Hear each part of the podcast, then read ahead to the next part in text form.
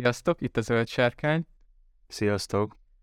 A gyűrűk ura keletkezések közben Tolkien folyton levelezett fiával, Christopherrel, aki ekkor nem tartózkodott az országban, hanem szolgálatot teljesített a hadseregnél, és ezekben a levelezésekben felfeltűnik egy karakter, akiről Tolkien azt írja, hogy kezd az egyik legérdekesebb szereplőjévé válni a történetnek, ez pedig külön fűszerezi, hogy ez a szereplő már megjelent a Gyűrűk Ura előzményeiben is, és ebben az adásban mi is drága egyetlen gollamunk, Smeagolunk történetét dolgoznánk most föl két részben. Ebben az elsőben a háttértörténetéről beszélnénk, és arról, hogy milyen utat tett meg a Hobbit eseményei után, hogyan került el Mordorba, és onnan hogyan találkozott a szövetséggel. Következő részben pedig a gyűrűk urában elkövetett cselekedeteiről fogunk beszélni, illetve Golamnál nagy kérdés ez a megmenthető-e, vagy már teljesen hiába való, és annyira megrontotta a gyűrű. Úgyhogy nagyjából így épülne fel ez a két adás, és hát akkor kezdjük a kezdeteknél, nem Imre? Úgy van. A harmadkor 2430. évét írjuk, amikor megszületett Smiagolt. Aki népes családnak a tagjaként Nőszironföldnek a környékén lakott valahol, ahol a családot a nagymamája vezette ilyen matriarchális stílusba. Itt azt meg is beszélhetjük, hogy ez itt vajon ez mit jelenthet ebbe az esetbe. Mi alapvetően úgy gondoltunk el, hogy ez tényleg egy matriarchális rendszer volt, viszont Tolkien az egyik levelében ezt pontosítaná, tehát ő azt mondja, hogy nincs okunk azt feltételezni, hogy itt Vadonföldön a stúrok egy ilyen szigorú matriarchális rendszert alakítottak volna ki, mivel megyében élő stúrok hagyományai között sem találjuk ennek a nyomát. A professzor azt mondja, hogy jelen esetben a matriarcha szót Gandalf nem antropológiai értelemben használja, hanem pusztán egyszerűen egy olyan nőt jelentett, aki ténylegesen uralkodott a, az adott klánon, és ez kétségtelenül azért történt meg, mert túlélte a férjét, és alapvetően egy domináns jellemű nő volt. A mama lett a családfő. Ebben a családban. Igen, kb. igen. És neked volt egy jó hasonlatot, hogy amúgy van egy szintén ilyen jellemvonásokkal rendelkező hobbit még a történetben. Tarisznyádi zsákos Lobélia? Talán még azt tette hozzá a professzor, hogy itt a stúroknál az asszonyfőket azért övezte egy ilyen különös tisztelet, mert hogy valahogy ők, és így mint a nőknél ez gyakran megfigyelhető, nem mi mondtuk, ezt a professzor, nem tudom, hogy ez már milyen pisziségnek vagy hímsovinizmusnak számít, de hogy a hölgyek körében megfigyelhető, hogy jobban őrzik a, a múltat és így a hagyományokat, és hogy emiatt a stúr társadalomban különleges jelentőségre tettek szert. És akkor itt együnk is egy-két szót a stúrokról. Ugye ők a hobbitok három törzséből az egyikek. Ők voltak az egyetlenek, akik képesek voltak arcszörzetet növeszteni. És akik nem féltek a víztől. Igen, és jó nagy kezek, jó nagy lábak, ők voltak a legnagyobb termetőek is. Igen, illetve ők voltak a leginkább vándorlók, vagy hát nem is biztos, hogy ez rá jó szó, hanem legkalandosabb utat járták be. Többi hobbit törzsel együtt átkeltek a köthegységen, de jóval később, köthegység nyugati oldaláról már később elvándoroltak Túnföldre is, amikor Angmar királysága felemelkedett, akkor visszamentek az Anduin völgyébe, itt a Nőszínonföld környékére. Illetve még Dunföldtől egy kicsit délebre is úgy, tehát hogy minél távolabb mennek a veszélytől. Össze-vissza benépesítették ezt a régiót, és nagyon valószínűsíthető, hogy Smiagol is, illetve az ő őseinek az ősei stúrok voltak, tehát valamilyen szinten kapcsolódott a hobbitokhoz. Ezt Frodo nem is akarta elhinni, de aztán Gandalf megmagyarázta neki, hogy gondoljon csak bele, hogy Bilbo miket mesélt Gollamról, hogy a gondolkodásukban és az emlékeikben feltűnően sok volt a hasonlóság. Pont ismerték ugyanazokat a, a rejtvényeket. Így egészen véletlenül, tehát tök jól megértették egymást. És hogy ez a hobbitoknál ritka, hogy ilyen jól tudnak kapcsolódni valakihez. És hát, ahogy említettük, kb. olyan 2430 környékén született meg a kicsi Smeagol, aki családjának a legkíváncsibb és legfürkészőbb természetű tagja volt.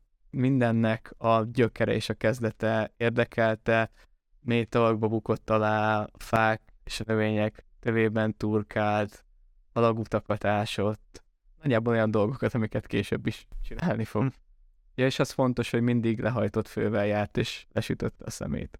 2463-ban, pont Smeagolnak a születésnapján, amikor is 33 éves lett, akkor Deagollal úgy döntöttek, hogy elmennek egyet horgászni. Ugye ezt valószínűleg ezt a történetnek, ezt a részét mindenki ismeri, de hogy Deagolt berántott egy hal a vízbe, és közben megtalálta a gyűrűt, amit Smeagol vagy azonnal hogy a magáinak szeretett volna tudni, és ezen úgy összevesztek, hogy meg is folytotta Diágót, és magához vette a gyűrűt, ezzel ő lett a negyedik gyűrű hordozó. Ugye Sauron, Isildur, Diágol, és utána Smeagol. Talán az az érdekes, hogy a négy gyűrű hordozók közül ő volt az egyetlen, aki, vagy hát nem mert, nem, nem mert Bilbo se tudta, hogy mit, de hogy Bilbo és Gollum voltak azok, akik úgy kaparintották meg ezt a gyűrűt, hogy nem tud, tudták, hogy, hogy mi kerül a kezükbe. Hát igazából Diágol sem, de neki, neki, neki túl sok ideje gondolkodni se volt rajta.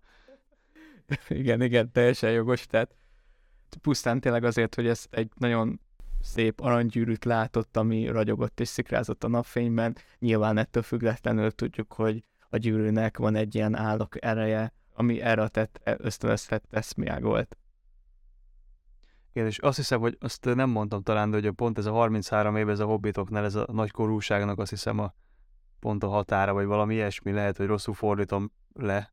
Pubertásnak a vége, amikor így megérnek. Hát igen, kb. Igen, mint amikor nézhetünk 18 pluszos filmeket. Igen, ez nem tudom, hogy milyen előjogokkal járt később neki, de, vagy hát járhatott volna, mert ezután gyorsan a maga úra lett. Óriási eufémizmussal fogalmaztam. Akarva akaratlanul így alakultak a dolgok. Diágolnak elrejtette a holtestét, így viszonylag sokáig titokban tudta tartani a gyilkosságot, mert ez otthonától messze történt, és egyedül ért haza, és akkor jött rá, hogy amúgy senki se vette észre, hogy itt van, mert rajta volt a gyűrű, és ekkor fedezte fel ezt a különleges erőt, ami ebben az egyszerű aranygyűrűbe rejlett, és ennek a felfedezésnek nagyon megörült, nem mondta el senkinek, hogy ugye nála van ez a gyűrű, és arra használta ezt a láthatatlanságot, hogy kifürkészze mások titkait, ezeket a titkokat pedig tisztességtelen és gonosz célokra használta fel.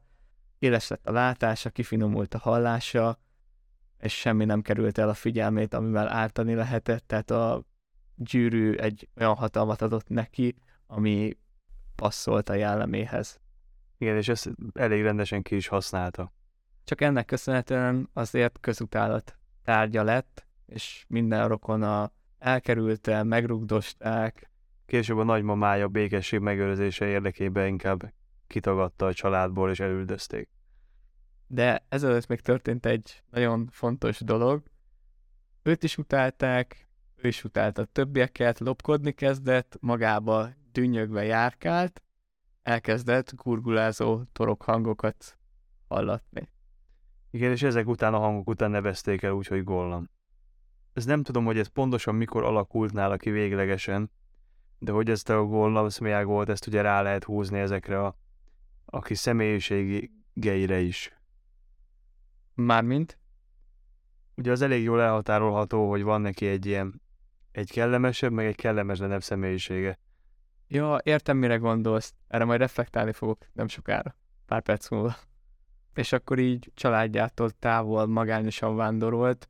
A harmadkor 2470-es évei környékén történhetett, amikor egy vízfolyáshoz ért, ami a hegyekből zúdult alá, és itt elkezdett a kezével halakat fogdosni, és ahogy a tó fölé hajolt, elkezdte érezni, hogy egyrészt valami égeti a tarkóját, másrészt pedig a víztükrön a visszaverődő fény elkezdte bántani a szemét ő már tökre elfelejtette a napot, ezért jegyeztem meg, hogy mindig lehajtott fejjel járt. El is felejtett, hogy egy ilyen dolog létezik, de nagyon meggyűlölte, mint minden mást, és mikor megrázta az öklét a nap felé, és elfordult tőle, akkor a véletlen úgy adta, hogy meglátta a köthegységet a távolban, és az a hirtelen gondolata támadt, hogy oké, okay, a hegyek alatt hűvös van, és árnyék, és a nap nem találhatja meg. És talán a napot sárga arcnak nevezte el, a holdat pedig sápadt arcnak. Igen. És hát így került a köthegységbe. Ahol 400 évig, hát körülbelül 400 évig élt, ami az elég jó, jó élethoz. Biztos a UV-sugárzásnak a hiánya az jót tett neki. És itt legfőképpen igazából mindenen is élt, amit meg lehet találni barlangba. Nemféle halakat összefogott denevéreket, meg időnként kisebb goblinokat, amiket valahogy úgy oda sodort elé az élet, azt ő felhasználta. Mondjuk így. És tökre érdekes az, hogy a gyűrű, oké, okay, hogy fizikailag, meg mentálisan elkorcsosította, de hogy nem halványult el. És ez alapvetően hobbitok erős jelleméből is adódhat, plusz a sötétben nem igazán kellett viselni a gyűrűt. A látása, hallása azt felélesítette, a láthatatlanságra meg nem volt szüksége, mert alapból is korom sötét volt. Igen, de az is érdekes, hogy kibírta azt, hogy ne, hogy ne hordja. Illetve, hogy nem tört vele olyan se, semmi, nem próbálta semmilyen módon használni. Azon kívül, hogy láthatatlanná váljon vele. Igen, inkább a birtoklási vágyról szólt ez az egész, és ugyanolyan szívós és szikár maradt régen, de azért a gyűrű az folyamatosan rágta és emésztette a lelkét, és meggyűlölt mindent és mindenkit, és leges legjobban a, a gyűrűt, ami egy ilyen tök oximoron. Ez, a, ez az igaz? A, Igen. Egymás kizáró ellentétek. Hogyha már irodalmi érettségik így, akkor még, még emlékszek ilyenekre. Igen, hát ugye ugyanazt, mint ahogy saját magát is gyűlölte és, és, és imádta is.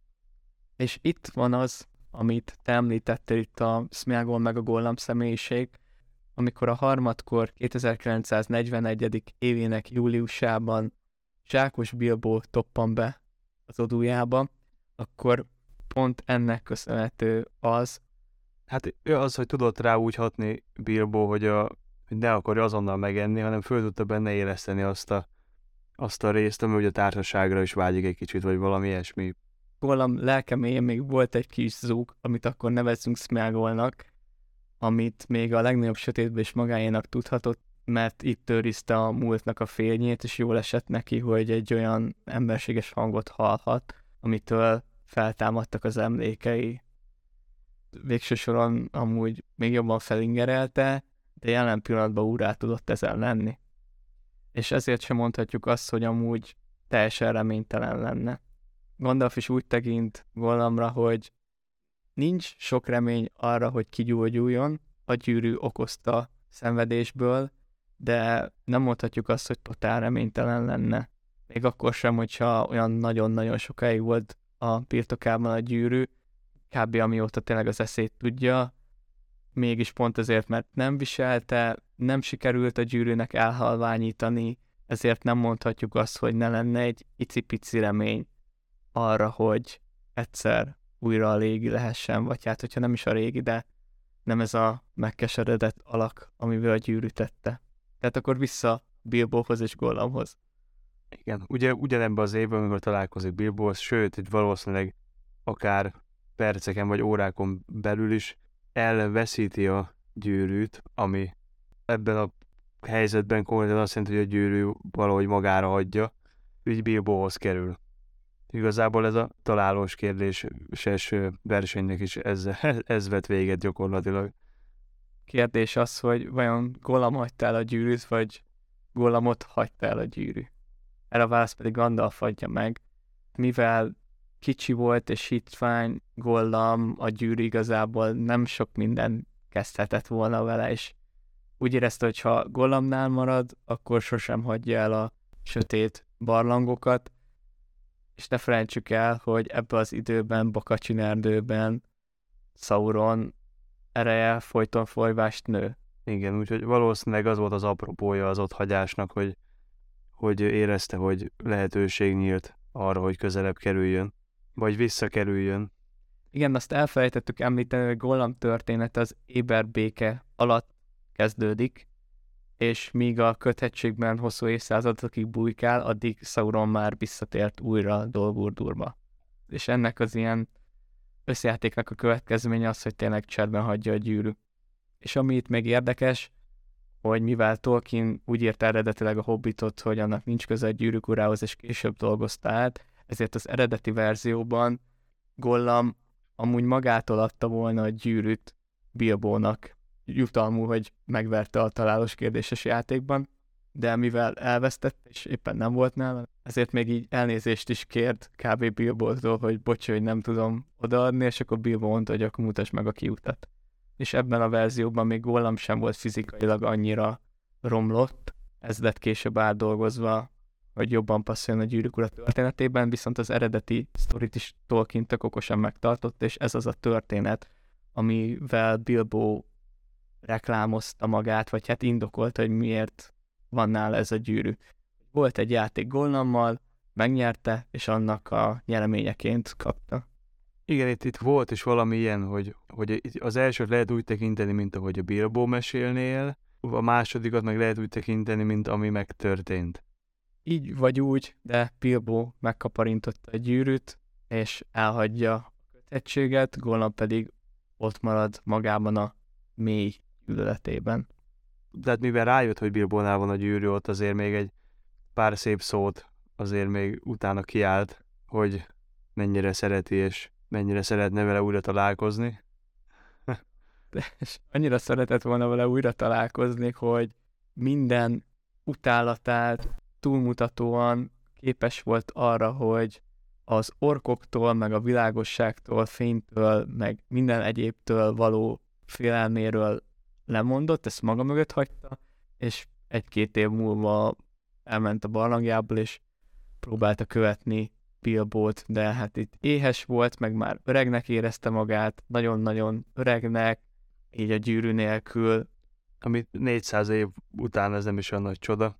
De így vagy úgy, mikor a, se a napnak, se a holnak a fénye nem zavarta, szépen lassan eljutott a Bakacsin erdőbe, eljutott Tóvárosig, eljutott Suhatagig, miközben ezen a környéken tett vett, itt az erdőben elkezdtek róla mindenféle históriák keringeni az itt élő emberek, állatok, madarak körében, így azt mondták, hogy itt valamiféle vérivó szellem karázdálkodik, aki felmászik a fákra, hogy a fészkekből tojást tudjon csenni, beszimatol a bölcsőkbe, ablakokon súran be, gyerekeket rabol, tehát kb. ilyen csupakabra szerű valami, valami volt. És hát ebben az időben azért Bilbo elég nagy hírnévre tett szert ezen a környéken. Igen, de ugye így is mindössze annyit tudott meg, hogy, hogy a megyébe kéne, hogy keresse. Megvolt a neve, most már megvan a megye, amúgy azt is megtudta, hogy merre van a megye, mert nem csak a Bilbo tetteiről tudtak, hanem a Bilbo hazaútjáról is. Tehát, hogyha még pontos irányt nem is tudott, tudta, hogy a kötettség nyugati oldalán kell keresnie. Minden esetre teljesen rossz irányba indul ezután. Ez külső szemlélőként nem is lehetne érteni, mert ténylegesen elindult nyugat felé, a nagy folyóig, viszont ott, ott elfordult egy teljesen másik irányba. Ennek pedig az oka az volt, hogy 2951-ben Sauron már hivatalosan is felfedte magát, és Mordor mágnesként vonzott magához minden gonoszt. Sötét úr a hatása nem múlt el, ezért Gollam öntudatlanul is engedelmeskedett ennek a hívásnak, és szépen lassan dél felé vándorgott, és benne volt egy olyan új gondolat is, hogy ott majd új barátokra lel, akik segítenek abban, hogy bosszút állhasson. És így jutott el, hát egy egész hosszú út után 2980-ban Mordorba. Tehát a mordori kolonját ezt Kirit Ungolnál kezdi. Először is megtalálja a titkos lépcsőket, majd találkozik a banyapókkal, valamilyen módon elkezdi imádni, illetve valami egészen furcsa módon még a úgymond ilyen szolgája is lesz, hogy valahogy folyamatosan oda csal neki valamit, amit meg tud enni. Igen, ez ilyen érdekesen van megfogalmazva, hogy a konyapók rossz indulat és gonoszság az így átjárta a gondolatát, és kiad belőle minden jót, tehát így elkezdte tényleg isteníteni és imádni. Igen, keresett valamit a gyűrű helyett. Egy ideig legalábbis valamivel tudta pótolni ezt, a, ezt az űrt. De figyelj, hasznos barátságot szerzett, később ez be fog bizonyosodni. Hát ez, ja, ez nézőpont kérdése. És ezután a kis időszaka után fogják el, és kerül Baradúrba, ahol meg is kínozzák, és ez az a kínzás, ahol megtudják tőle, hogy megye és hogy zsákos. El kell ismerni, még Sauronnak is, hogy sokkal több volt ebbe a kis teremtménybe, mint ahogy azt ő képzelte. Gandalf ilyen végálláthatatlan kínzásokról beszél, és ez tényleg így volt, tehát 3017-ben engedték szabadon, tehát nagyon sokáig volt Gollam, a sötét úr és a szolgáinak a fogságában. Innen is tudjuk, hogy látta személyesen is a fekete kezét, amint csak négy új van, valamint a Sauronas adásban arról már beszéltünk, hogy Gollamnak nem csak kitartania sikerült, azáltal, hogy nem árulja el a mennyinek a hollétét, legalábbis azt, hogy nagyjából merre kell keresgélni, hanem még arra is volt akarat ereje, hogy át tudja verni Sauront, elhitette vele, hogy a megyét azt...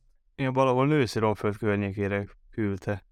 Igen, tehát ahonnan ő is származik, és hogy innen logikus, hogy ott találta meg, stb. stb. És akkor ez ilyen külön fejfájást okozott Sauronnak, mert volt, hogy azt hitte, hogy a, ez a megye, ez Lothlórienben van. Tehát itt eléggé megkavarta a gondolatait és a terveit.